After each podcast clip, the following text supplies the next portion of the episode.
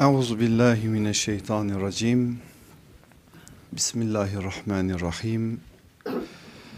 Elhamdülillahi rabbil alamin ve salatu vesselamu ala rasulina Muhammedin ve ala alihi ve ashabihi ve etbaihi ecmaîn. Kıymetli kardeşlerim, Recep-i Şerif'in ilk cumartesi gecesine Rabbim bizleri kavuşturdu kavuşturana yüz binlerce kez hamdolsun. Bizi yolda tutana hamdolsun. Yakışmasak bile bizi yolda tutma gibi bir nimetle şereflendirdiği için ona hamdolsun. Ne kadar hakkını veriyoruz bilmiyorum ama şereflerin en büyüğü dinine hizmet etmektir o dinine hizmet etme güzelliğini de bizlere tattırdığı için ona sonsuz hamdler olsun. Ve bizler bu hamdın aslında bir yönüyle bu güzel nimetin şükrünü eda edebilmek için bu akşamları dertlerimizi konuşacak, hayatımızı imar edecek, geleceğimize ait, istikbalimize ait temel meseleleri gündem edecek bir imkana, fırsata dönüştürmeye çalışıyoruz. Derdimiz sadece iş yapmak için yapmak değil. Allah bizleri bundan muhafaza etsin. Sadece konuşmak için konuşmak da değil. Allah bizi bundan da muhafaza etsin. Her sözün bir hesabı var. Şu meclislerin hesabını vereceğiz. Ben de vereceğim, siz de vereceksiniz. Ahireti konuşuyoruz, hesabı konuşuyoruz. Bugün de konuşmaya çalışacağız. Küçük büyük her şeyin birer birer önümüze dikil, dikildiği, önümüze dök, döküldüğü o dehşetli anlarda bu yaptıklarımızın da yapmamız gerekip de yapmadıklarımızın da hesabını vereceğiz. O günlere hazırlık için aslında bizim derdimiz öyle de olmalı. Eğer burada konuşulanlar ahiretimizi imar etme adına bir şeyler bizlere kazandırtmayacaksa yazık bize, yazık sizin zamanınıza, yazık buradaki bu kadar emeğe. Allah bizlere kaybolup giden sözler söyletmesin. Söylediğimiz her sözün şuurunda ve bilincinde olalım hesabın varlığını hiçbir zaman unutmayalım ve o hesap için hep gayretimiz artmış olsun. Öteki hayat dediğimiz asıl hayatımız ona ait bilgileri sadece ve sadece bir Müslüman merak ediyor diye öğrenemez. Bunu geçen ders söyledim öneminden dolayı bir daha söylüyorum. Bizim öteki hayatla olan münasebetimiz merakımız artsın, bilgimiz ziyadeleşsin bundan dolayı değildir olamaz da. Bizim öteki hayata ait ızdırabımız imanımız artsın, sorumluluklarımız gelsin zihnimize otursun, hayatımıza otursun ve orası için bizi hazırlığa sevk etsin. Eksik olanların telafi edilmesi, noksanların tamamlanması için bizi bir şekilde zorlasın. Eğer biz ahirete ait meseleleri bu çerçeveden ele almazsak bilgimiz artar ama onun ötesinde asıl olması gerekenlerden mahrum kalırız. Ben bu meseleleri ahirete ait olan meseleleri hesaba ait olan meseleleri mahşere ait olan meseleleri öncesinde kıyamete ait olan meseleleri bunları dinlerken bir Müslüman nasıl bir ruh halinde olmalı? Bunu anlayabilmemiz için bir örnek aktarmak istiyorum sizlere. Allah Resulü aleyhissalatü vesselam kendi hücre-i saadetinde Ayşe anamızın yanı başında bu hadiseleri anlatıyor. Mahşeri anlatıyor, kabri anlatıyor, arkasını anlatıyor, önünü anlatıyor benim de size bir miktarını aktarabildiğim o hadiselerden Efendimiz aleyhissalatü vesselam da Hümeyram dediği yastığının yoldaşı olan Ayşe annemize bir şeyler paylaşıyor. O anda Ayşe annemiz ağlıyor. Öyle bir ağlıyor ki hıçkırıklar içerisinde. Aleyhissalatü vesselam Efendimiz konuşmasını orada durduruyor. Ayşem diyor seni bu kadar ağlatan şey nedir? Gözünün yaşını silerken Ayşe annemiz diyor ki ya Resulallah öyle şeylerden bahsettin ki yürek dayanmıyor onları dinlemeye. Hep dedim ya yürekleri gerçekten dayanmıyor sahabenin. Yürek dayanmıyor onları dinlemeye. Öyle şeylerden bahsettin ki ben cehennemi şu anda yüreğime oturmuş kadar yakın hissediyorum. Ve cehennem korkusundan dolayı şu anda bir başka haldeyim onun için tir tir titriyorum diyor hıçkırıklar devam ediyor. Olayı bize anlatan bizzat Ayşe annemizin kendisidir. Bir aralık diyor sildim gözümün yaşlarını. Toparladım.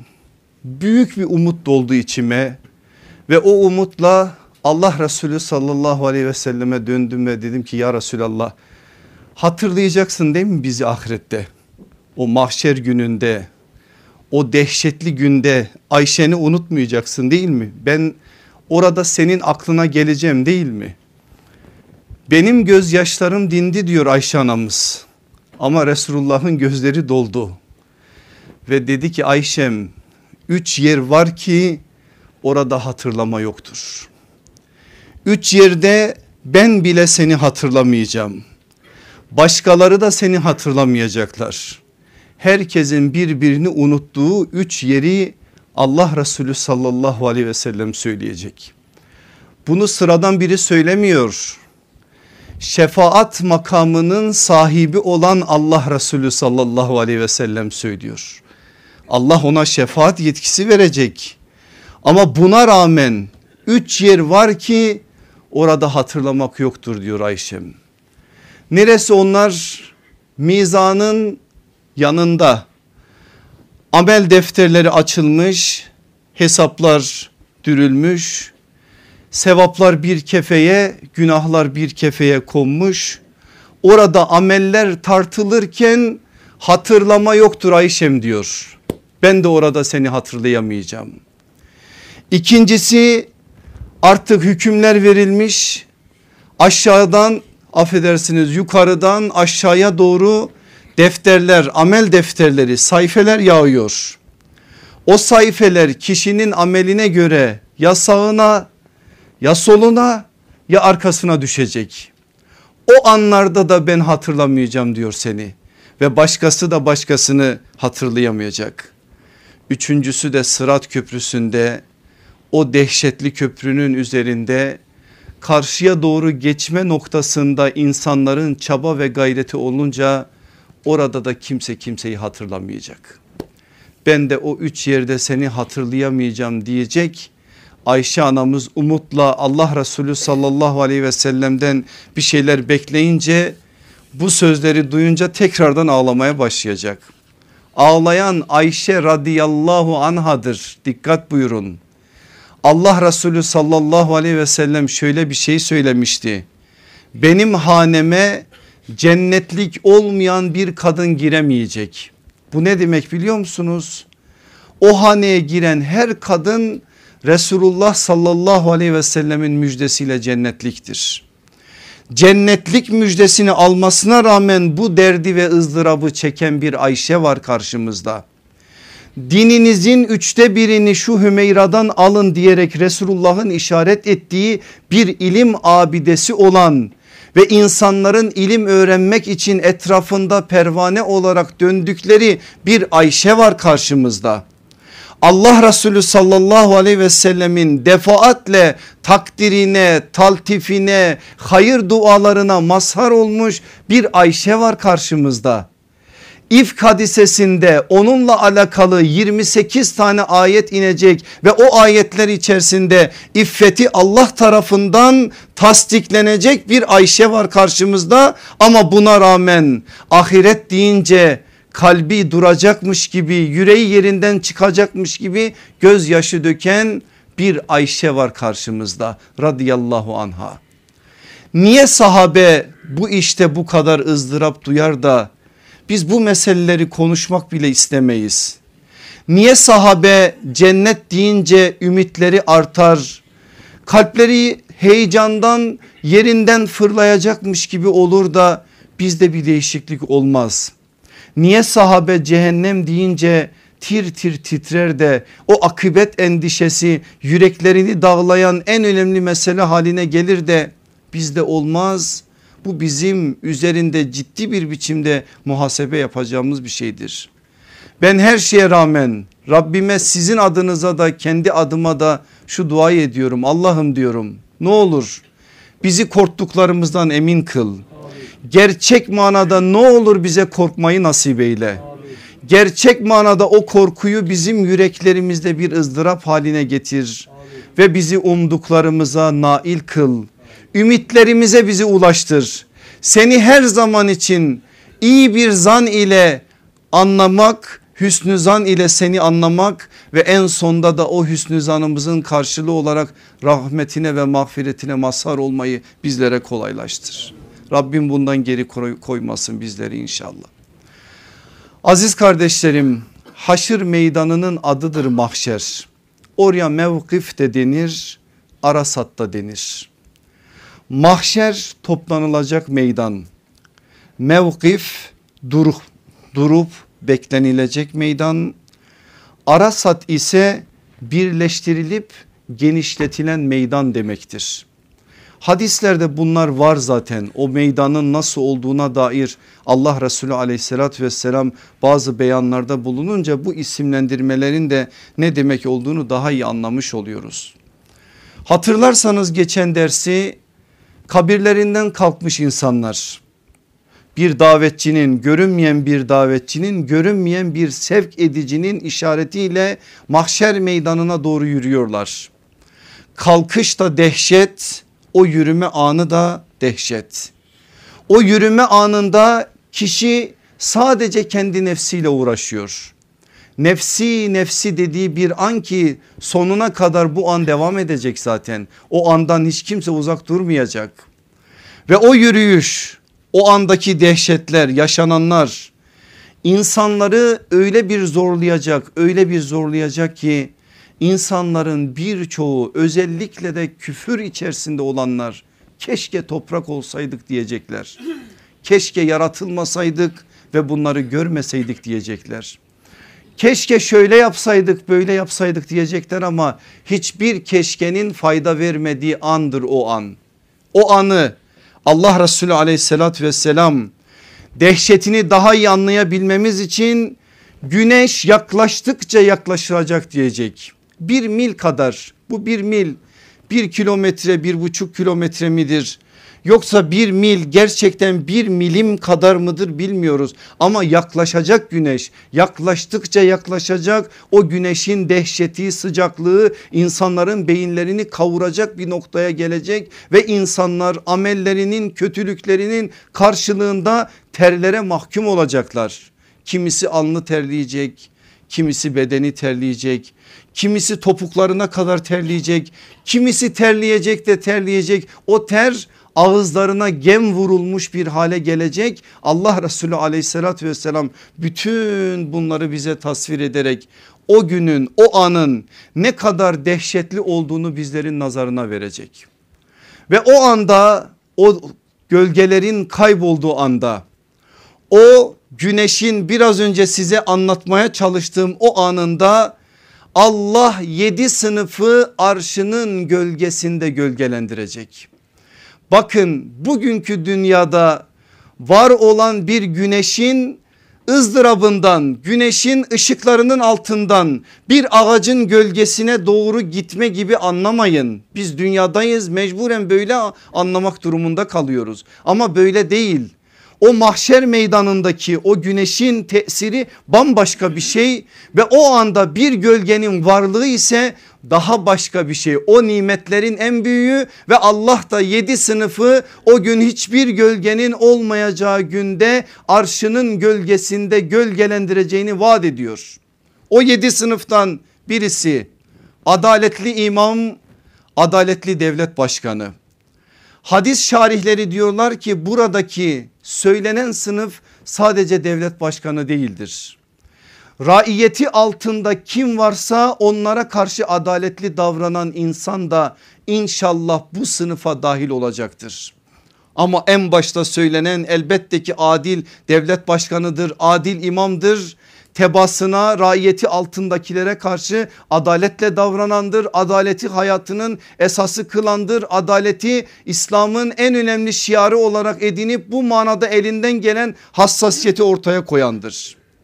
Diyor ki sallallahu aleyhi ve sellem Efendimiz başka bir hadisinde hükmünde yönetimi ve velayeti altındakiler hakkında adil davrananlar Allah katında nurdan minberler üzerinde olacaklardır.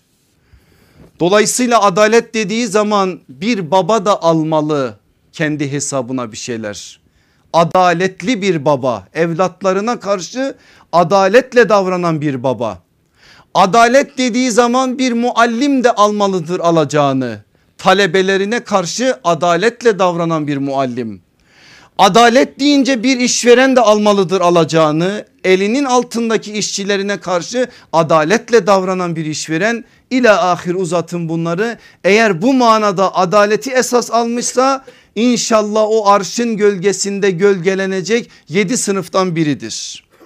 İkincisi Rabbine kulluk ederek temiz bir hayat içinde serpilip büyüyen genç. Gençliğini boş sevdalar için geçirmeyen gençliğin o de enerjisini o güzelliğini heyecanını Allah'ın razı olacağı işlerde harcayan gençliğinin o güzel zaman dilimlerini her zaman için Allah'ın dinini yeryüzüne hakim kılma, bu dinden mahrum olanların yüreklerine o iman mesajlarını duyurma, bu manada bu ızdırap altında inleme ve böylelikle o gençliğini hep Allah'ın zimmetinde yaşayarak Allah'ın hiçbir gölgeye müsaade etmediği o günde arşın gölgesini kazanma adına bir seviye kazanan genç. Allah Resulü aleyhissalatü vesselamın ikinci sınıf olarak bize söylediği bu. Üçüncüsü kalbi mescitlere bağlı olan Müslüman. Sadece camilere mescitlere namaz kılmak için gitmeyen namazlardan önce de biraz orayı itikaf alanı olarak edinen aslında camilere erken gitmenin Hira'yı yaşamak olduğunu bilen Hira'da Allah Resulü'nün mağarada yaşadığı neyse ona ait bir şeyleri Allah'ın mabetlerinden bir mabette gönlü Allah'ın mabetlerine bağlı bir biçimde geçirmeye çalışan ve bu manada bazı şeyleri oradan kazanan. Dördüncüsü birbirlerini Allah içip sevip buluşmaları da ayrılmaları da Allah için olan iki dost. Cepleri için değil kariyerleri için değil şununla irtibatımı iyi tutayım. Bu adamın başka adamları var. Arkası kuvvetlidir. Yarın öbür gün kardeşimi kendimi işe sokmaya yar lazım olur falan filan değil. Bunların hiçbiri değil. Sadece ve sadece Allah için. Allah'ın rızasından başka hiçbir şeyi gütmeyen böyle olan bunun içinde bazen buluşan bazen ayrılan sevdiğini de Allah için seven buğz ettiğini de Allah için buğz eden bu manada Allah'ın rızasını ön plana alarak birbirlerini seven iki insan. Güzel ve mevki sahibi bir kadının gel gel deyip kendisini davet etmesine karşılık ben Allah'tan korkarım diyerek bütün davetleri reddeden yiğit insan çağın Yusuf'unu söylüyor. Eğer bu bir kadınsa kadın da kendisini bunun karşı cephesine alıp kendisini başka bir konumda konumlandırıp aynısını kendi üzerine de almalıdır. Karşı cinsin davetine hayır diyebilen güzel, yakışıklı, mevki sahibi her neyse bu manada her türlü davete la diyebilen, hayır diyebilen arşın gölgesinden gölgesinde gölgelenecek o yedi sınıftan biri olacak. Sağ elinin verdiğini sol eline duyurmayan, infakının reklamını yapmayan, öyle ufaktan bir şeyler verip de oturup meclislerde şunu yaptım bunu yaptım deyip hayva atmayan verdiği o infakı ona buna duyurup da bu manada kendisinin ameline riyakarlık bulaştırmayan yani bu konuda Allah'ı sadece kendine sırdaş edinerek Allah adına ve Allah namına malını harcayan. Yedincisi de şu tenhalarda hiçbir gözün kendisinde olmadığı zamanlarda gece vakitlerinde Allah için gözyaşı döküp Allah'a ibadet eden. Yedi sınıf o gün güneş yaklaştıkça yaklaşacak beyinlerin kavrulduğu anda Allah bu yedi sınıfı arşının gölgesine doğru alacak ve arşının gölgesinde onları hesap vaktine kadar tutacak. Bu o gün için verilmiş en büyük mükafat olduğundan dolayı bu yedi sınıfa bunlar verilecek. Aziz kardeşlerim sahabe ile aramızdaki ufku da ortaya koymak için bir derste söylemiştim öneminden dolayı bir daha söyleyeyim. Böyle ihtimalli hadisler sıralanınca sahabe hep şöyle dua eder. Allah'ım bizi onlardan kıl. Birinden değil ama yedisinden kıl. Yedi tane sayılmışsa eğer Allah'ım bizi o yedi sınıfa dahil et diye dua eder sahabe. Çünkü ufukları çok büyük onların. Hedefleri büyük olduğu için zaten himmetleri büyük. Hedef büyüdüğü zaman himmet büyüyecektir. Biz şuna da razıyız onun için duamız bir tanesiyledir. Allah'ım bu yedi sınıftan birine dahil et bizleri. Hiç değilse o birinden olalım diye dua ediyoruz. Bunu ben kendiliğimden söylemediğimin delili olsun diye size bir şey söyleyeyim. Allah Resulü aleyhissalatü vesselam oturmuş yine cenneti anlatıyor bir gün. Diyor ki eğer bir insan Allah'ın kendisine verdiği iki hayırdan birisini ya da ikisini Allah yolunda harcarsa cehennem cennet kapılarından bir kapıdan davet edilir çağrılır. Eğer namaz ehli ise salat kapısından çağrılır. Eğer cihat ehli ise cihat kapısından çağrılır. Eğer oruç ehli ise oruç kapısından çağrılır. Eğer sadaka ehli ise sadaka kapısından çağrılır. Herkes dinliyor ama birisi var ki o cemaatte ufku çok büyük onun. Onun ufku nebevi ufkuna yetişen bir ufuktur. Allah Resulünü anlama noktasında sahabe içerisinde en farklı noktada duran ufuktur. O ufkun sahibi de Hazreti Ebu Bekir radıyallahu anhudur. Hemen orada şu soruyu soracak. Ya Resulallah diyecek. Bütün o kapılardan çağrılacak olan var mı? Sahabe bu ufuk da bu. Aleyhissalatü vesselam Efendimiz de diyecek ki evet ümit ediyorum ki sen onlardansın. Sen o kapıların hepsinden çağrılacaksın. Bu ufku da zihninizde bir yere yazın. Ebu Bekir ufku olarak yazın. Olur ki Allah Resulü sallallahu aleyhi ve sellemin biraz önce size verdiğim yedi tane farklı alanlara ait bazı şeyleri aktaran hadisler hadisleri duyduğunuz zaman Hazreti Ebu Bekir gibi himmetinizi büyüttükçe büyütün ki adımlarınız da amelleriniz de o oranda büyümüş olsun. Allah hepimizi Hazreti Ebu Bekir'in o ufkuna yetiştirsin inşallah. Aziz kardeşlerim mahşerin o dehşetli anında Cenab-ı Hak yedi sınıfı arşının gölgesine almaya başlayınca geri kalan müminler o dehşetli anı yaşamak zorunda kalacaklar. Ama Rabbimiz müminlerle münkirleri mahşerde ikiye ayıracak. Mahşer meydanı koca bir meydan. Müminler o meydanın bir tarafında kafirler mücrimler de bir tarafında olacaklar. Müminler nasıl ki içlerinden bir miktarı yedi sınıf olarak arşın gölgesinde gölgelenecekler mükafat adına farklı bir şey tadacaklar. Kafirler de azabı o küfürlerinin şiddetinde tadacaklar. Allah bazılarına ta kabirde başlattığı azabı orada da devam ettirecek Orada da onlar cehennemle gölgelenecekler. Cehennemle gölgelenmek nasıl bir şey bilmiyoruz ama cehennemi kendilerine çok yakın hissedecekler ve cehennem azabını daha cehenneme girmeden mahşer meydanında görmeye çalışacaklar. Ve görme adına Allah onları bu şeye mahkum bırakacak. Bakın onların kim olduğuna bu konuda hadislerde örnek var Cehennemin onlara yaklaştırılacağına dair delil İbrahim suresi 50. ayettir. Ve takşa vucuhehumun nar onların yüzlerini ateş bürüyecek ve kaplayacaktır ilahi, ilahi fermanının tecelli edeceği an cehennem değil mahşer meydanıdır. Ayetin bağlamına baktığınız zaman bunu göreceksiniz. Peki cehennemi böyle kendilerine yakın görecek daha mahşerde cehennemi yaşayacak olanlar kimler?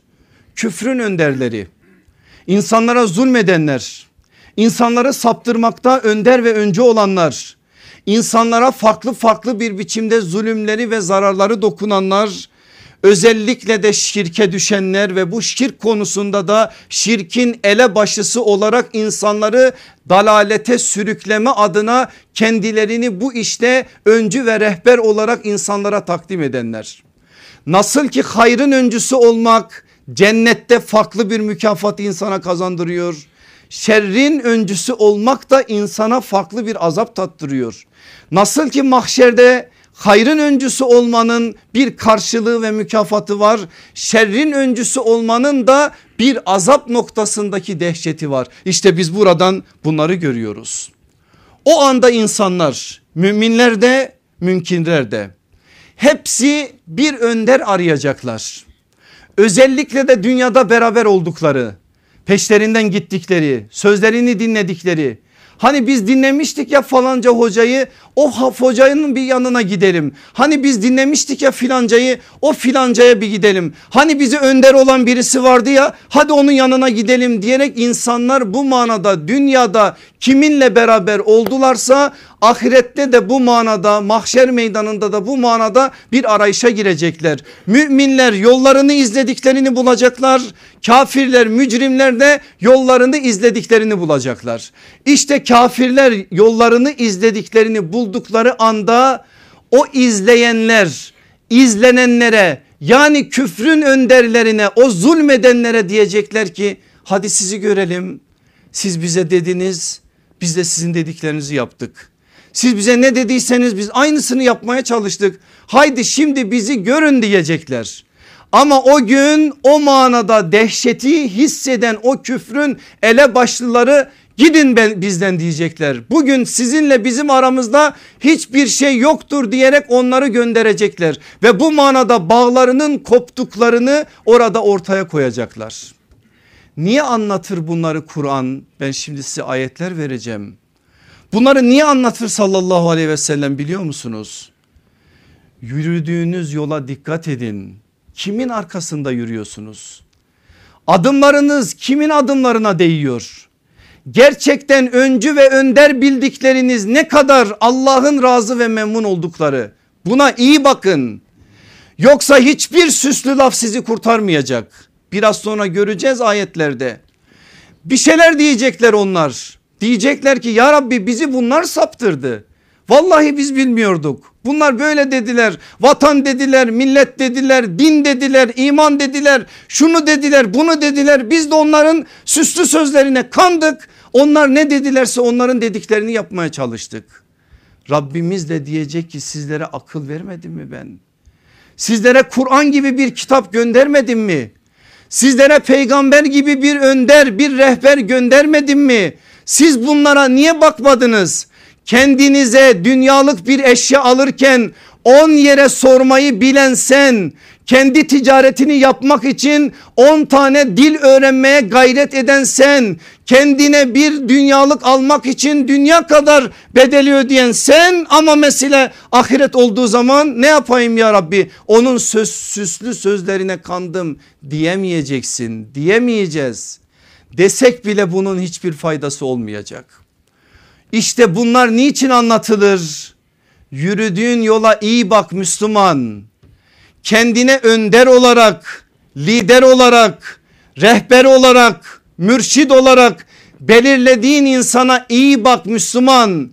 Ölçün tek bir şeydir Allah ve Resulüdür. Allah'ın ve Resulüne ittiba ettiği müddetçe Allah'ın ve Resulüne ittiba ettiğinin ölçüsünde ittiba edilir itaat edilir. Bunun dışında başka hiçbir şey yoktur hiçbir sorumluluk da yoktur. İşte burada o dehşetli anlara düşmemek için Gelin Kur'an'ın şu sedasına bir kulak verelim. Kaç yerde anlatır Kur'an? Orada öncü olan küfrün elebaşlılarıyla zalimlerle onlara tabi olanların mahşerdeki o konuşmalarını ama tertipte ilk sırada gelen Bakara suresindeki ayetler olduğu için ben onları size vereceğim. 166 ile 167. ayetlerdedir ama 165. ayet de çok önemlidir. Çok önemli bir mesaj verecek bize. Diyor ki Rabbimiz insanlardan bazıları Allah'tan başkasını Allah'a denk ilahlar edinir de onları Allah'ı sever gibi severler. He, bir şey söyledi burada. Tevhidin çok önemli bir alanına dikkat çekti Rabbimiz. Tevhid deyince aklımıza birçok şey gelir de bu gelmez. Sevgide tevhide dikkat çekti. Allah'ı sever gibi hiçbir şey sevmek yok. Allah'ı sever gibi hiçbir şeye değer vermek yok. Eğer böyle bir şey varsa orada şirk vardır. Bunun farkına varmak için bu ayet önemlidir. İmanın hakkıdır da Allah'ı sevmek. Bu ayet de onun en büyük delilidir. İşte bu manada sevgide tevhidi bize söylüyor. İman edenlerin Allah'a olan sevgileri ise onlarınkinden yani biraz önce söylenen kinlerden daha fazladır. Keşke zalimler azabı gördükleri zaman anlayacakları gibi o zaman anlayacaklar. Bütün kuvvetin Allah'a ait olduğunu ve Allah'ın azabının çok şiddetli olduğunu önceden anlayabilselerdi. 165. ayet böyle söylüyor Bakara suresinin. Bakın dikkat edin. İşte o zaman görecekler ki kendilerine uyulup arkalarından gidenler uyanlardan hızla uzaklaşırlar. Aralarını ayırırlar ve o anda her iki taraf da azabı görmüş nihayet aralarındaki bağlar kopup parçalanmıştır. Taraftarlarım çok olsun diye dünyada birçok bedel ödeyenler sevenlerim çok olsun diye Allah'ın bu manada kendisine yasak edindiğini arkasına atanlar orada bunların hiçbir faydası yok.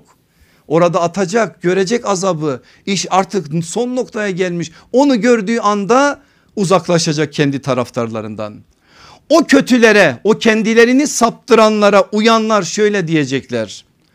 Ah keşke bir daha dünyaya geri gitmemiz mümkün olsaydı da Şimdi onların bizden uzaklaştıkları gibi biz de onlardan uzaklaşsaydık.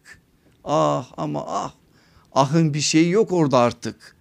Böylece Allah onlara işlerini pişmanlık ve üzüntü kaynağı olarak gösterir ve onlar artık ateşten çıkmazlar. Bakara suresi 166 ve 167'de söyleniyor ki dediğim gibi Kur'an'da bu tabloların başka sahneleri de anlatılır bize. Kur'an'ın yevmun azim dediği büyük gün dediği En'am suresi 15. ayette öyle söyler. Yevmun azim büyük gün dediği o mahşer gününde insanlar işte böyle bir hale gelecekler. Ve beklemekten perişan olacaklar. Beklemek çok zordur. El intizar eşeddü minen nar derler. Beklemek gerçekten ateşten daha zordur. Ateşe dayanmaktan daha zordur ve orada mahşer meydanında ne olacaksa olacak diye bekleyecekler. O bekleme yıllar sürecek. Bizim anlayamadığımız bir zaman dilimi o. 70 yıl deniyor 100 yıl deniyor artık ne kadarsa bekleyecekler bekleyecekler. Artık insanlar çatlayacak bir noktaya gelecek. Müminlerden bir grup diyecek ki gidelim biz peygamberlerin yolunda yürüdük dünyada. O peygamberlere söyleyelim. Onlar bize şefaatçi olsunlar. Allah'a dua etsinler de Allah hesabımızı başlasın. Biz artık ne olacaksa olsun o noktadayız. Allah bizim için ne hüküm verecekse ona razıyız ama yeter ki hesap başlasın ve şu bekleme sona ersin. Bir grup mümin böyle bir karar alıyor. Buradan sonrasını Bukhari'de, Müslim'de onlarca hadis kitabında Allah Resulü sallallahu aleyhi ve sellem tam iki sayfalık bir rivayetle bize aktarır. Ebu Hureyre'nin naklettiği bir hadistir ki ben bir miktarını özetleyerek size anlatacağım. Bir miktar insan toplanırlar mümin bunlar. Kime gidelim derler Allah'a bizim için şefaatçi olsun. Yani Allah'a dua etsin de Allah bizim için hesabı başlasın artık. Bunu söyledikleri zaman kime gidelim diye dediklerinde Adem'e gidelim diyorlar. Aleyhissalatü vesselam Efendimiz bu tabloyu bize nasıl anlatıyor biliyor musunuz? Ebu Hureyre diyor ki bir gün güzel bir sofra kuruldu bize. Çok da güzel bir et kızartılmış getirilmişti sofraya. Ev sahibi de bilirdi Allah Resulü aleyhissalatü vesselam koyunun ön kolunu ön budunu çok severdi. O ön budunu kızartmış Resulullah'ın önüne getirmişti. Allah Resulü şöyle bir baktı o yemeğe çok sevindi. Ev sahibine bu ikramından dolayı teşekkür etti dua etti. O etten bir parça aldı ısırdı sonrasını biz artık başka bir halde gördük diyor. O anda o eti bile yiyemiyor sallallahu aleyhi ve sellem.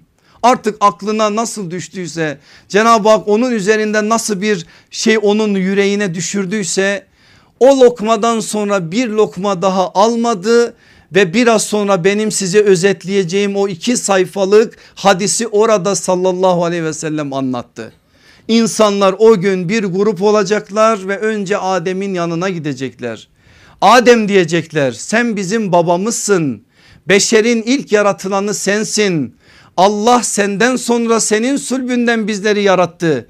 İlk peygamber olarak atamız olarak gel Allah katında bizim için şefaatçi ol. Allah'a dua et de hesap başlasın artık dayanmaya gücümüz kalmadı diyecekler. Adem aleyhisselam diyecek ki gidin nefsim nefsim diyecek nefsi nefsi diyecek. Allah bizlere birer dua hakkı verdi peygamberler olarak. Ben o dua hakkımı kullandım ben yenilmemesi gereken ağaçtan meyveyi yedim. Allah da beni cennetten dünyaya gönderdi. Sonra ben o duamı kendi affımın kabul olması için bu manada Rabbimin günahlarımı affetmesi için kullandım. Artık yüzüm yok Rabbime bu iş için bir dua etmeye. Benim size yapacağım bir şey yok. Gidin başka bir yere gidin diyecek. İnsanlar diyecekler ki nereye gidelim? Nuh'a gidin diyecek ve onlar da Nuh'a gidecekler. Allah Resulü anlatıyor. Ey Nuh diyecekler tufandan sonra yeryüzü seninle beraber başladı büyümeye. Senin neslinden hep hepimiz olduk. Allah sana böyle büyük bir ikramda bulundu. Sen bizim iman atalarımızdan birisin. Sen Kur'an'da anlatıldığı gibi abden şekurasın. Şükreden bir kulsun. Ne olur Allah'a dua et de hesap başlasın. Biz de bu imtihandan kurtulmuş olalım. Hazreti Nuh diyecek ki ben de kullandım duamı. Benim içinde bir defaydı o dua hakkı onu da kullandım artık söyleyecek hiçbir şeyim yok. Gidin diyecek İbrahim'e gidin ona söyleyin o söyleyeceğini söylesin. İnsanlar İbrahim aleyhisselama gidecekler. Aynı şeyi ona da söyleyecekler. İbrahim aleyhisselam da onlara doğru bir cevap müspet bir cevap veremeyecek. Kendi yaptığı bazı şeyleri söyleyerek o anda Allah'ın öfkelendiğini gazaba geldiğini o öfke ve gazap anında benim Rabbime bu manada bir talepte bulunmamın mümkün olmayacağını söyleyecek ve onları Hazreti Musa'ya gönderecek. Onlar Hazreti Musa'ya da gidecekler yine aynı şeyler. Hazreti İsa'ya gidecekler arkasından yine aynı şeyler Hazreti İsa'ya geldikleri zaman Hazreti İsa'nın işlediği bir kusur yoktur ama şunu söyleyecek benden sonra bana farklı farklı isnatlar, isnatlarda bulundu insanlar. Ben bunu bildiğim için duyduğum için Rabbimden şimdi ellerimi açıp Rabbime bu manada bir şey söyleyemiyorum. Siz en iyisi son peygamber Hazreti Muhammed Mustafa'ya gidin ona halinizi arz edin o söyleyeceğini söyle, söyleyecektir. Ve Allah Resulü sallallahu aleyhi ve sellem diyor ki sonra insanlar bana gelecekler. Hallerini bana da bu manada arz edecekler. Diyecekler ki ey Muhammed sen Allah'ın peygamberisin. Bütün peygamberlerin sonuncususun. Allah seni geçmiş gelecek bütün günahlarını mağfiret buyurdu. Senin bu manada hiçbir günahın yok artık Allah katında. Şu içinde bulunduğumuz hali görmüyor musun? Ne olur bizim için şefaatçi ol da Allah hesabı başlatsın. Ben kabul edeceğim diyor sallallahu aleyhi ve sellem. ve arşa doğru yürüyeceğim. Arşın önüne geldiğim zaman orada secdeye kapılacağım. Derken secdedeyken o ana kadar hiç bilmediğim methu senaları Allah bana ilham edecek. Orada o secde anında Allah'tan öğrendiğim o methu senaları Rabbime söyleyerek Rabbimden bu manada o şefaat hakkının kullanılması için duada bulunacağım, niyazda bulunacağım. O anda Rabbim bana diyecek ki ey Muhammed başını kaldır ve iste. İstediğin sana verilecek. Şefaat talep et şefaatin yerine getirilecek. Ben de başımı kaldıracağım. Ey Rabbim ümmetim diyeceğim. Ey Rabbim ümmetim diyeceğim. Üç kez ya Rabbi ümmeti diyeceğim. Üç kez bunu söyleyeceğim. Bunun üzerine Rabbim buyuracak ki ey Muhammed ümmetinden üzerinde hesap olmayanları cennet kapılarından sağdaki kapıdan içeriye al. Esasen onlar diğer kapılarda da insanlara ortaktır diyerek müjde verilecek. Çok büyük bir müjde bu. Hadis birçok açıdan ele alınır. Bu hadisin başka rivayetlerinde Allah Resulü sallallahu aleyhi ve sellem şöyle diyecek.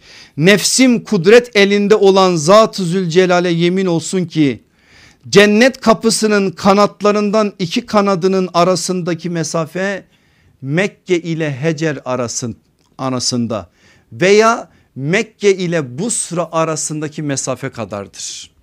Cennetin kapılarının ne kadar geniş olduğunu buradan anlayın. Ne kadar insan sorgusuz sualsiz cennete girecek buradan anlayın. Mesafe çok büyük ümmeti Muhammed'den de sorgusuz ve sualsiz bir biçimde cennete gireceklerin sayısı fazla. Ya Rabbi sen bizleri de onlardan eyle. Aziz kardeşlerim hadis birçok açıdan ele alınır. Bizim şu andaki derdimiz direkt bu hadis olmadığı için ben özetledim zaten ama iki şey var ki dikkat çekmesek anlaşılmaz. Bunlardan birisi sorgusuz sualsiz cennete girecekler. Çok ilginç ve önemli bir ifade bu. İkincisi de şefaat meselesidir. Buradaki şefaat meselesi. Şefaat meselesi aynen kabir azabı meselesi gibi ne yazık ki Müslümanlar arasında tartışılan bir mevzudur.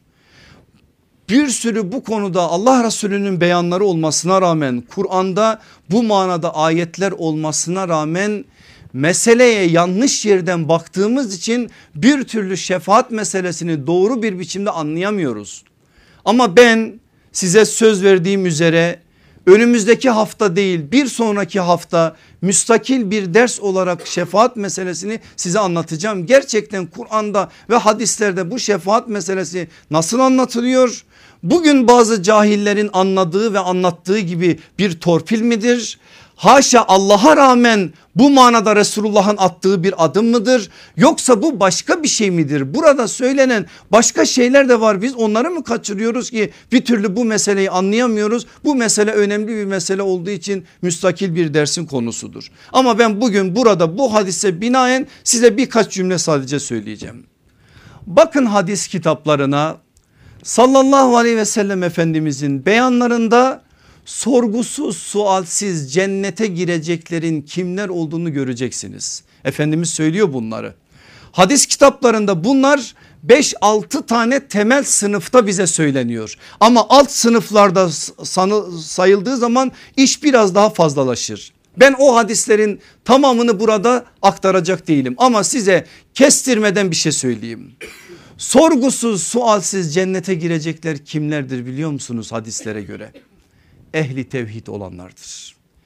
Tevhid ehli olanlar sorgusuz ve sualsiz bir biçimde Allah'ın izniyle Allah'ın verdiği mükafatla cennete girecekler. Tek bir tane hadis size aktarayım meseleyi onun üzerinden anlayın.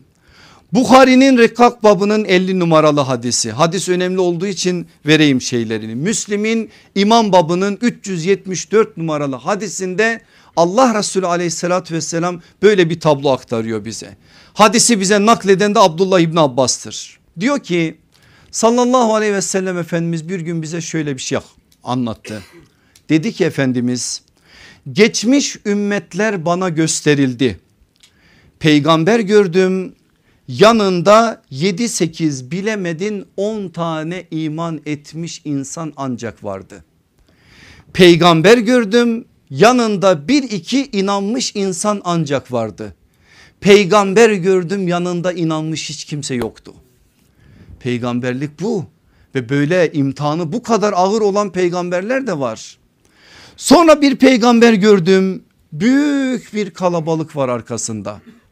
Sevindim hevesle baktım yanımdaki Cebrail'e dedim ki Cebrail bu benim ümmetim olmasın. Hayır dedi ya Resulallah bu Musa'nın ümmetidir. Önündeki peygamber de Musa'dır. Biraz sonra bana dedi ki ufka bak ey Muhammed ufka baktım koca bir karartı gördüm. Sevindim iştiyakla dedim ki Cebrail bu benim ümmetim olmasın. Başını diğer ufka çevir dedi ya Resulallah. Bir diğer ufka çevirdim ki o gördüğüm koca karartının kat kat daha fazlası bu diğer ufukta büyük bir kalabalık. İşte senin ümmetin o sorgusuz ve sualsiz bir biçimde senin ümmetinden de 70 bin kişi cennete girecek diyor. Allah Resulü sallallahu aleyhi ve sellem bunu anlattı diyor İbn Abbas çekildi hanesine. Sahabe durur mu? Başladılar aralarında konuşmaya. Kim bu sorgusuz sualsiz cennete girecekler? farklı farklı görüşler söylendi. Bir ara sesler yükseldi. Sesler Allah Resulü'nün odasına doğru gidince aleyhissalatü vesselam Efendimiz çıktı dışarıya. Dedi ki neyi tartışıyorsunuz burada? Ya Resulallah dedin gittin bir şey öyle bir şey söyledin ki biz gittiğim bir andan beridir tartışıyoruz. Allah aşkına sen bize söyle o sorgusuz sualsiz cennete girecekler kimler? Hele siz söyleyin bakayım siz neler söylediniz diyor. Sahabe görüşlerini söylüyor. Hayır diyor. Tahmin edememişsiniz. İsabet de kaydedememişsiniz. Kimdir onlar biliyor musunuz? Sorgusuz ve sualsiz cennete girecek olanlar. Her şart ve durumda Allah'a gerçek manada tevekkül edenlerdir. Büyü yapmayan, yaptırmayan, uğursuzluğa inanmayan ve Rablerine selim bir kalp ile teslim olup güvenenlerdir. Ne dedi sallallahu aleyhi ve sellem? Tevhid ehli dedi.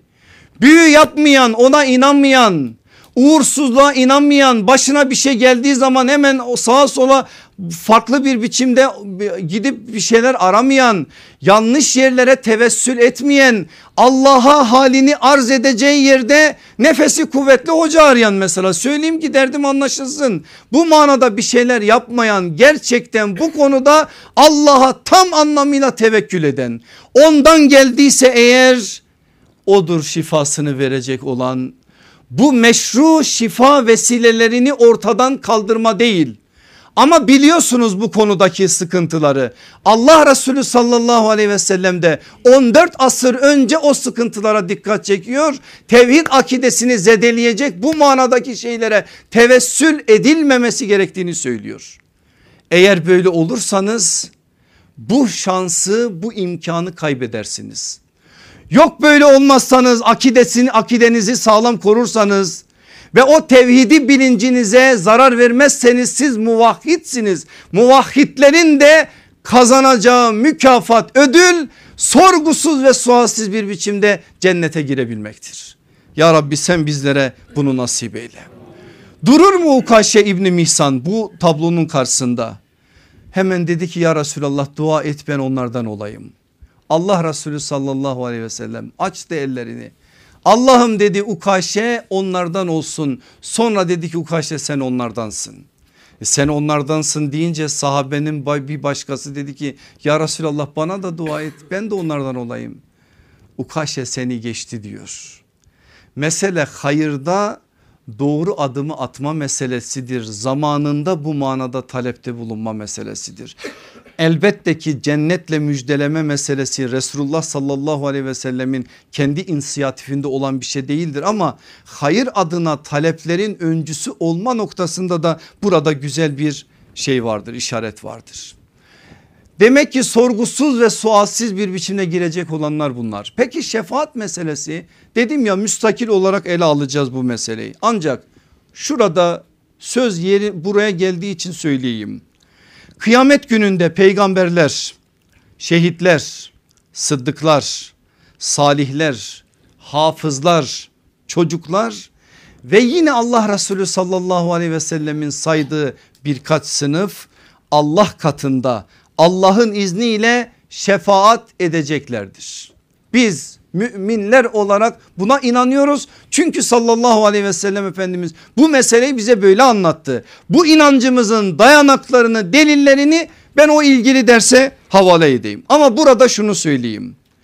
Hadislerden ve Kur'an'daki bazı ayetlerden öğrendiğimize göre şefaat bir yerde olmayacak. Beş yerde beş ayrı şekilde olacak. O şefaatlerin birincisi mahşer yerinde mahşerin sıkıntılarından kurtulmak için ve hesabın başlaması içindir. Onun adı şefaatül uzmadır. Büyük şefaattir. Allah Resulü'nün de biraz önce hadiste yaptığı odur. Ya dua etti Allah'a Allah da hesabı başlattı onun duasına, onun şefaatine, onun bu manadaki talebine karşılık olarak. Bunun adı dediğim gibi şefaatül uzmadır, büyük şefaattir. İkincisi yine hadiste geçen bazı müminleri hesapsız cennete koymak için. Nasıl oluyor? Bu nasıl karşılık bulacak? Onu o derste göreceğiz. Üçüncüsü azabı hak edenlerin bağışlanması için. Dördüncüsü günahkarların cehennemden çıkarılması için. Beşincisi cennetliklerin derecelerinin yükselmesi için. Demek ki Şefaatin bir de bu beşinci boyutu da var. Cennete girmiş ama derecesi yükselsin cennette. Ona ait de bir şefaat var. Bu beş tane şefaati aklınızda tutun. Önümüzdeki hafta değil bir sonraki haftaki şefaat konusunda tekrardan bunlara döneceğiz. Şimdi benim aziz kardeşlerim mahşer meydanının müminler kısmında bunlar yaşanırken Allah Resulü sallallahu aleyhi ve sellemin o şefaatiyle hesap noktasında hesaba ait şeyler başlanırken o esnada bir şey olacak. Ne olacak biliyor musunuz? Rabbimiz görevli meleklere emir buyuracak ve mahşer meydanında kaç milyon, kaç trilyon, kaç katrilyon artık neyse üst rakamı o kadar insan varsa hepsi tek saf olacak. Müminler başta ondan sonra kafirler mücrimler mahşer meydanında bütün insanlar tek saf haline gelecek. Bunu bu hali biz Kehf suresinin 48. ayetinden okuyoruz. Başka ayetler de var ama özellikle bu ayetten okuyoruz.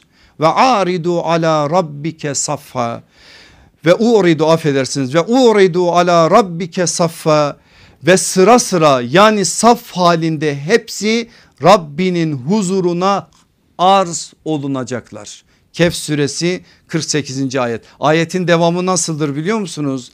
Andolsun ki sizi ilk defasında yarattığımız şekilde bize geldiniz. Geçen ders nasıl anlattık biz kabirlerde nasıl kalkacak insanlar? Bakın Kur'an'ın delili bu. Hadislerle Kur'an böyledir zaten birbirinin rakibi değildir haşa hadislerle Kur'an ayetler birbirlerini açıklar destekler tefsir eder. İşte orada Allah Resulü'nün kıyamet gününde insanlar şöyle dirilecektir diyerek bize tasvir ettiği şeyin Kur'an'i delili budur. Oysa size vaat edilenlerin tahakkuk edeceği bir zaman tayin ettiğim etmediğimizi sanmıştınız değil mi? Yani hesap gününün hiç gelmeyeceğini zannediyordunuz. Ama nasıl geldi size kavuştu? İşte şimdi görünce meseleyi daha iyi anlamış oldunuz. İnsanlar saf haline dizilince neler olacağını yine aziz kitabımızdan öğreniyoruz. Furkan suresi 25. ayet. O gün gökyüzü beyaz bulutlar ile yarılacak ve melekler bölük bölük inecekler. Mahşer meydanında görevli melekler var. Onlar saf haline getirecek. Ancak diğer safhada gökten inanılmaz derecede bir ses gelecek ve o sesle birlikte bulutlar sanki parçalanacak, gök parçalanacak ve saf saf melekler inecekler. Ama yeryüzü parça parça döküldüğü, Rabbinin emri geldiği ve melekler saf saf saf saf dizildiği zaman her şey ortaya çıkacak inen melekler de saf saf dizilecek ve Cenab-ı Hakk'ın emri, zatı, kudreti orada tecelli edecek. O gün cehennem getirilecek. İnsan yaptıklarını birer birer hatırlayacak. Fakat bu hatırlamanın hiçbir faydası olmayacak. Bu söylediklerim Fecir suresi 21, 22 ve 23. ayetlerdi. Dikkat buyurun cehennem getirilecek diyor. Cehennem mahşer meydanına getirilecek.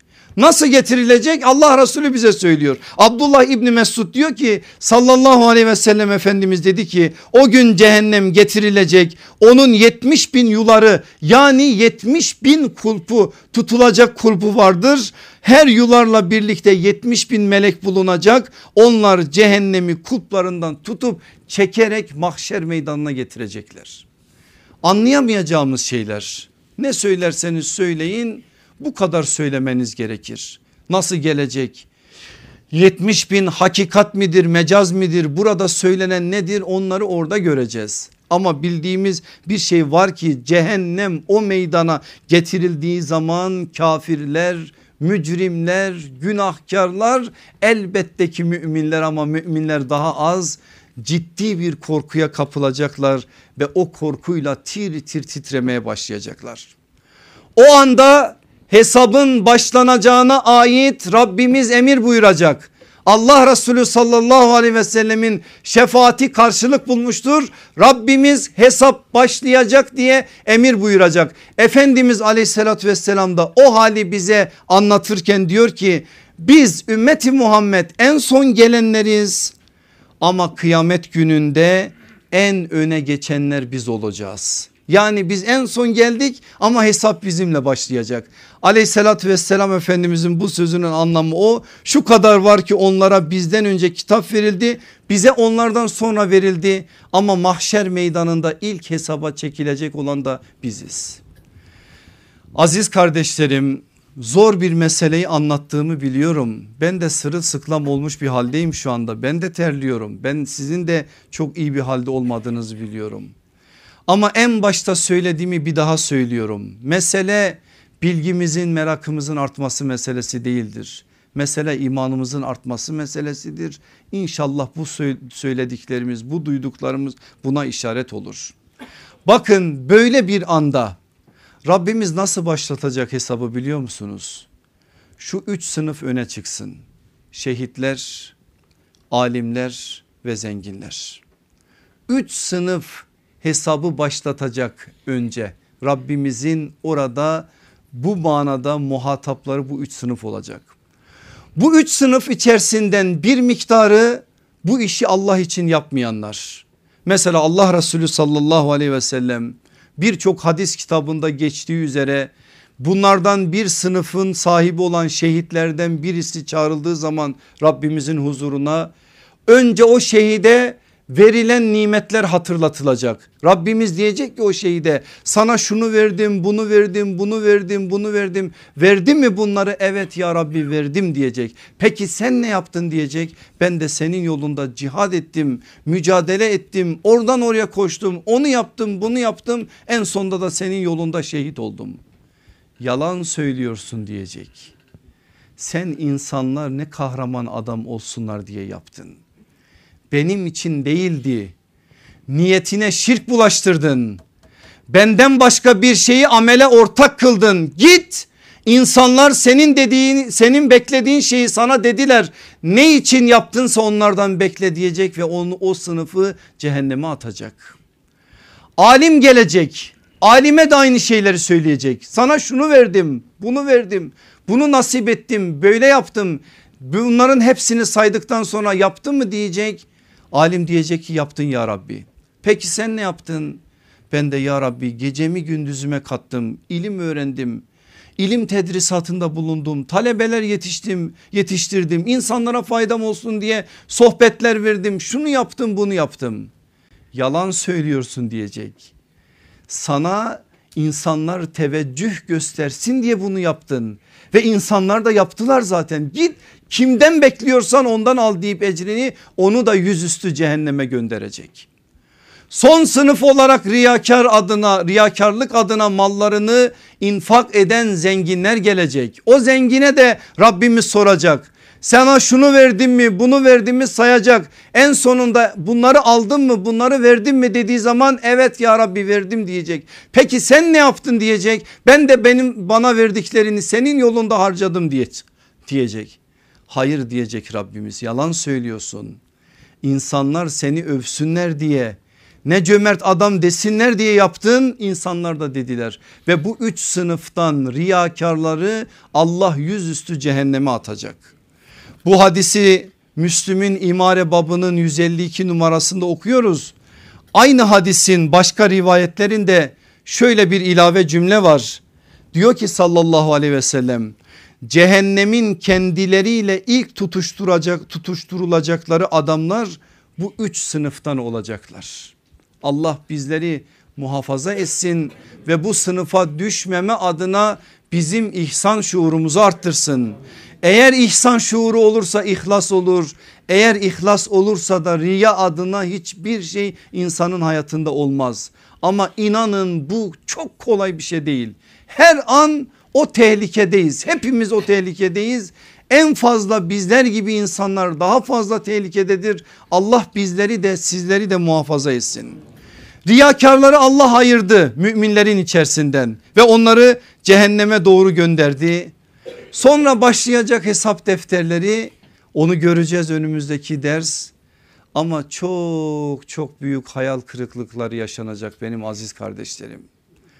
O böyle dünyada çok büyük büyük teveccühlerde bulunduğumuz insanların asıl kimlikleri oraya çıktığı zaman dizlerimize vuracağız. Kendimizin asıl kimliği çıktığı zaman dizlerimize vuracağız. Eyvah diyeceğiz ama iş işten geçecek. Onun için benim hep yaptığım bir dua var. İstiyorum ki bu duayı burada bu kadar mümin bulmuşken bu müminin yanında da yapayım. Diyorum ki ben Allah'ım sevdiklerimi o gün mahcup eyleme beni de sev sevenlerimle mahcup etme. Allah'ım sevdiklerimi o gün mahcup eyleme beni de sevenlerimle mahcup etme. Allah bizi o mahcup olanlardan kılmasın inşallah. Bu üç sınıftan sonra insanlar başlayacak hesaba ama ilk hesaba çekilecek olan müminlerdir. Peki müminler ilk hesabın sorgusu olarak neyle hesaba çekilecekler? Namazla. Allah Resulü sallallahu aleyhi ve sellem söylüyor. Hesabın ilk sorgusu namazdır. Allah Resulü aleyhissalatü vesselam diyor ki kıyamet gününde kulun hesaba çekileceği ilk amel onun namazıdır. Eğer namazı düzgün olursa işi iyi gider ve kazançlı çıkar. Namazı düzgün olmazsa kaybeder ve zararlı çıkar. Şayet farzlardan bir şey noksan çıkarsa dikkat buyurun. Aziz ve celil olan Rabbi kulumun nafile namazları var mı bakınız der. Farzların eksiği nafilelerle tamamlanır. Sonra diğer amellerin de amelleri de bu şekliyle hesaba çekilir. Namaz niye imandan sonra en büyük hakikattir buradan anlayın.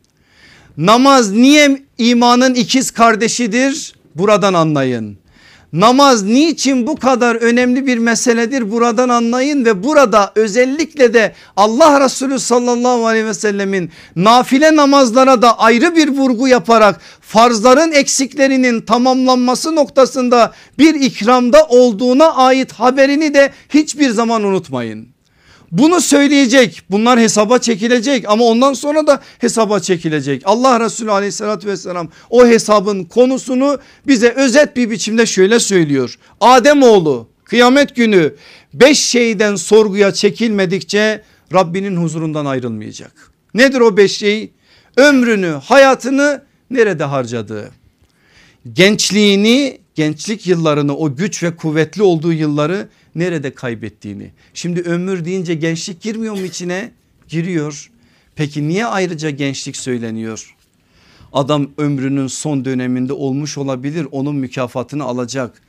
Ama eğer gençlikte yapmışsa onun mükafatını ayrıca alacak. Ve o gençlikte yaptığı Allah katında başka bir biçimde mükafatlandırılacak ki 7 sınıftan bir sınıf olarak arşın gölgesine gölgelenmek de onlardan birisidir. Üçüncüsü malını nereden helalden mi yoksa haramdan mı kazandığından. Dördüncüsü o malını nereye Allah'a itaate mi yoksa isyana mı harcadığından. Beşincisi ise bildiğinde bildiğiyle amel edip etmediğinden yani öğrendiği hakikatleri yaşayıp yaşamadığından. İnanın bu beş şey o kadar şeyi içerisine alır ki şöyle dikkatlice bir baktığınız zaman başka şeyleri söylemeye gerek yok. Bu beş şey hesabın bütün hepsinin konularını içerisinde toplayacak kadar ana maddelerdir. Allah Resulü sallallahu aleyhi ve sellem de buna dikkat çekiyor. Peki hesap hesap hassas öyle bir hassas ki hiç kimsenin bu manada bir şüphesi olmayacak. Hiç kimsenin hakkı kimsede kalmayacak. Yapılan hayır da tam anlamıyla karşılığı ödenecek. Şerrin de tam anlamıyla karşılığı ödenecek. Allah bizi o günlerde mahcup olanlardan etmesin. Ne diyor biliyor musunuz benim aziz kardeşlerim sallallahu aleyhi ve sellem Efendimiz. O gün diyor o mahşer günün gününde peygamberlerin dillerinden düşürmediği dua şu dua olacaktır. Allahümme sellim Allahümme sellim. Allah'ım bizlere selamet ver. Allah'ım bizlere selamet ver. Biz o gün inşallah o duayı yapanlardan oluruz. O peygamberlerin birinin arkasında ya da o peygamberlerin talebelerinden biri olan bir sahabi efendimizin arkasında. Ben Rabbimden şu güzel günlerde şu Recep-i Şerif'in ilk günlerinde şöyle bir yakarışta bulunmak istiyorum. Allah'ım diyorum bize dünyada da iyilik, hasenet, selamet ver, ahirette de iyilik ver. Ve bizi ateşin azabından koru. Ümmet olarak şu zillete düştüğümüz günlerden bizleri selamete erdir. Selamete çıkar ya Rabbi. Şu memleketin üzerindeki kara bulutları dağıt Allah'ım. Hainlere fırsat verme Allah'ım. Münafıklara fırsat verme Allah'ım. Zalimlere fırsat verme Allah'ım. Maskeler arkasında bizi kandıranlara fırsat verme Allah'ım. Bize farklı farklı şeyler vaat edip de bizim ahiretimizi yok etmeye çalışanlara fırsat verme Allah'ım. Bizi göz açıp kapayıncaya kadar nefsimizle baş başa bırakma Allah'ım. Ellerimizi bırakma Allah'ım. Ayaklarımızı kaydırma Allah'ım. Şu güzel günleri arınmamıza vesile kıl Allah'ım. Bizleri arındır ki biz de kirlenenleri arındırabilelim Allah'ım. Bu manada bizleri de memur kıl Allah'ım. Dininin hizmetçisi kıl Allah'ım. Bizi bir an olsun bize bırakma Allah'ım. Sevdir bizi birbirimize Allah'ım. Aramızdaki muhabbeti arttır Allah'ım. Müslümanların kardeş olma bilincini hiçbir zaman bizlere unutturma Allah'ım. Bölen, parçalayan, tefrika sokanlardan bizi etme Allah'ım. Bölenlerden bizi uzak kıl Allah'ım. Her kim ki bu ümmetin içerisine tefrika tohumu ekiyorsa sen onları ıslahları mümkünse ıslah eyle Allah'ım.